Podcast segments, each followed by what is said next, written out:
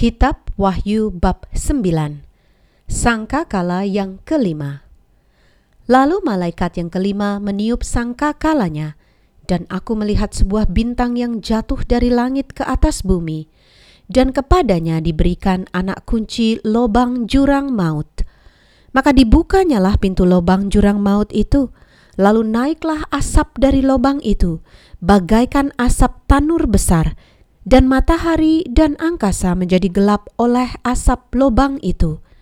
Dan dari asap itu berkeluaranlah belalang-belalang ke atas bumi, dan kepada mereka diberikan kuasa sama seperti kuasa kala jengking-kala jengking di bumi. Dan kepada mereka dipesankan supaya mereka jangan merusakkan rumput-rumput di bumi, atau tumbuh-tumbuhan, ataupun pohon-pohon, melainkan hanya manusia yang tidak memakai meterai Allah di dahinya. Dan mereka diperkenankan bukan untuk membunuh manusia, melainkan hanya untuk menyiksa mereka lima bulan lamanya.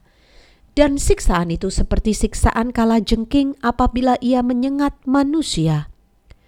Dan pada masa itu, orang-orang akan mencari maut, tetapi mereka tidak akan menemukannya dan mereka akan ingin mati, tetapi maut lari dari mereka. Dan rupa belalang-belalang itu sama seperti kuda yang disiapkan untuk peperangan, dan di atas kepala mereka ada sesuatu yang menyerupai mahkota emas, dan muka mereka sama seperti muka manusia, dan rambut mereka sama seperti rambut perempuan, dan gigi mereka sama seperti gigi singa dan dada mereka sama seperti baju zirah, dan bunyi sayap mereka bagaikan bunyi kereta-kereta yang ditarik banyak kuda yang sedang lari ke medan peperangan. Dan ekor mereka sama seperti kala jengking, dan ada sengatnya. Dan di dalam ekor mereka itu terdapat kuasa mereka untuk menyakiti manusia lima bulan lamanya. Dan raja yang memerintah mereka ialah malaikat jurang maut, Namanya dalam bahasa Ibrani ialah Abaddon dan dalam bahasa Yunani ialah Apollyon. Celaka yang pertama sudah lewat, sekarang akan menyusul dua celaka lagi. Sangka kala yang keenam.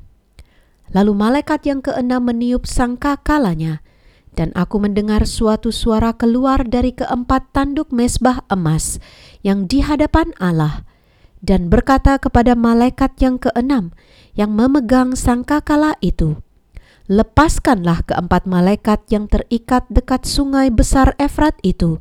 Maka dilepaskanlah keempat malaikat yang telah disiapkan bagi jam dan hari, bulan dan tahun, untuk membunuh sepertiga dari umat manusia.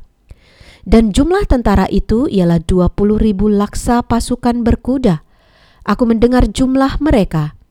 Maka demikianlah aku melihat dalam penglihatan ini kuda-kuda dan orang-orang yang menungganginya.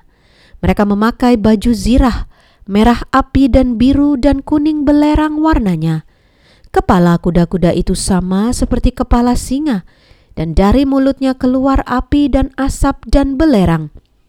Oleh ketiga malapetaka ini dibunuh sepertiga dari umat manusia, yaitu oleh api dan asap dan belerang yang keluar dari mulutnya. Sebab kuasa kuda-kuda itu terdapat di dalam mulutnya dan di dalam ekornya, sebab ekornya sama seperti ular. Mereka berkepala dan dengan kepala mereka itu mereka mendatangkan kerusakan.